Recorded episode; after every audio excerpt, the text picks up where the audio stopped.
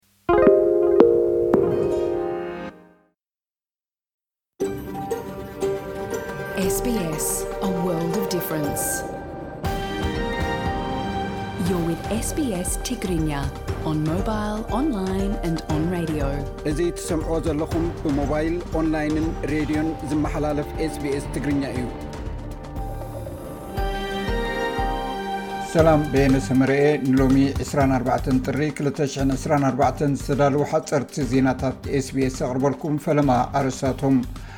ኣውስትራልያን ጃፓንን ናይ ኣብ ትሕቲ ባሕሪ ዝግበር ውግእ ዝምልከት ናይ ምርምር ስምምዕ ከቲመን ጉጅላ ሓማስ ኣብ ቓዛ ኣብ ስልጣን ክፀንሕ የብሉን ብዝብል ቅድመ ኩነት እስራኤል ነቲ ምስ ሓማስ ዝግበር ስምምዕ ዳግም ነፂጋቶ ኤርትራ፣ ኢትዮጵያን ካሜሩንን ኣብ ትሕተ ሰሃራ ኣፍሪቃ ኣብ 2023 እተን ሰለስተ ዝኸፍኣ ኣሰርቲ ጋዜጠኛታት ሃገራት ከም ዝኾና ጸብጻብ ሲፒj ኣረጋጊጹ።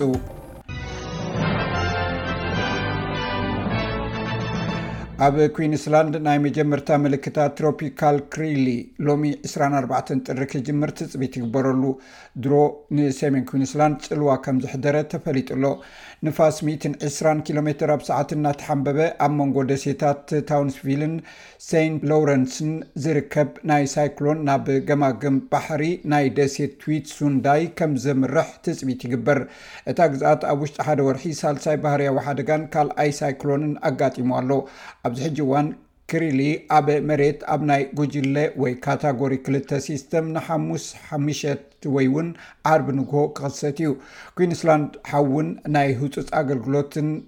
ነቲ ስዒቡ ክመጽእ ብትንቢት ተነጊሩ ዘሎ ዓቢ ዕልቕልቕ ምላሽ ንምሃብ ድሮ ካብ ካልኦት ግዝኣታት ኣውስትራልያ ሓገዝ ሓቲቱ ከምዘሎ ተፈሊጡ'ሎ። እዛምዚ ንከሎ ውዕይ ኩነታት ኣየር ኣብ ብዙሕ ክፋላት ኣውስትራልያ ክቕፅል ትፅቢት ይግበረሉ ክሳዕ ዝመፅ ሰሙን ዝሑል ለውጢ ኣየር ክህሉ ውን ትፅቢት የለን ሓያል ሙቐት ዝዓብለሎ ኩነታት ኣየር ኣብ ገለ ዞባታት ብሰሉስ ኣርባዓታት ዲግሪ ዝበፅሐ ሙቐት ንብዙሕ ክፋላት ዝሃገር ሃሲሎ ቤት ፅሕፈት ኩነታት ኣየር ኣብ ዝተረፈ ሓደ ሰሙን ካብ ገምጋም ሙቐት ኣየር ሓሙሽተ ክሳብ ዓሰርተ ክልተ ዲግሪ ሴንቲግሬድ ዝያዳ ሙቐት ከም ዝህሉ ይንበእ ጉጅለ ሓማስ ኣብ ቓዛ ኣብ ስልጣን ክጸንሕ የብሉን ብዝብል ቅድመ ኩነት እስራኤል ነቲ ምስ ሓማስ ትገብሮ ስምምዕ ዳግም ነጺጋቶ ኣፈኛ መንግስቲ እስራኤል ኢሎን ሌቪ ከም ዝገለጾ እስራኤል እቶም ኣብ ቓዛ ዝተረፉ ጅሆ ክሳብ ሓራ ዘይወጹ ምስ ሓማስ ትገብሮ ርክብ ከም ዘይትሰማምዓሉ ገሊጹ እዩ ኣውስትራልያን ጃፓንን ናይ ኣብ ትሕቲ ባሕሪ ዝግበር ውግእ ዝምልከት ናይ ምርምር ስምምዕ ከቲመን። እቲ ፕሮጀክት ቀንዲ ዕላምኡ ኣብ መንጎ ኣውስትራልያን ጃፓንን ዘሎ ናይ ምርድዳእን ምትሕብባርን ስትራቴጂካዊ ክእለት ንምምሕያሽ እዩ። እስራኤል ድሕሪቲ ብሸውዓተ ጥቅምቲ ዝጀመረ ውግእ እስራኤል ቃዛ ሓንቲ ካብ ቀንዲ ኣሰርቲ ጋዜጠኛታት ዓለምና ከም ዝኾነት ኮሚቴ ተሓላቒ ጋዜጠኛታት ወይ CPJ ኣብ ናይ ክልተ ሽሕን ዕስራን ሰለስተን ጸብጻቡ ኣፍሊጡ። እስራኤል ብምእሳር ጋዜጠኛታት ካብ ቻይና፣ ሚይንማር፣ ቤላሩስ፣ ሩስያ፣ ቬትናም ተኸቲላ ሻድሻይ ደረጃ ሒዛ ኣላ። እዚ ከምዚ ኢሉ እንከሎ CPJ ብዘቕረቦ ጸብጻብ መሰረት ኤርትራ፣ ኢትዮጵያን ካሜሩንን ኣብ ሃገራት ትሕተ ሰሃራ ኣፍሪቃ ኣብ ክልተ ሽሕን ዕስራን ሰለስተን እተን ሰለስተ ዝኸፍኣ ኣሰርቲ ጋዜጠኛታት ከምዝኾና ኣፍሊጡ።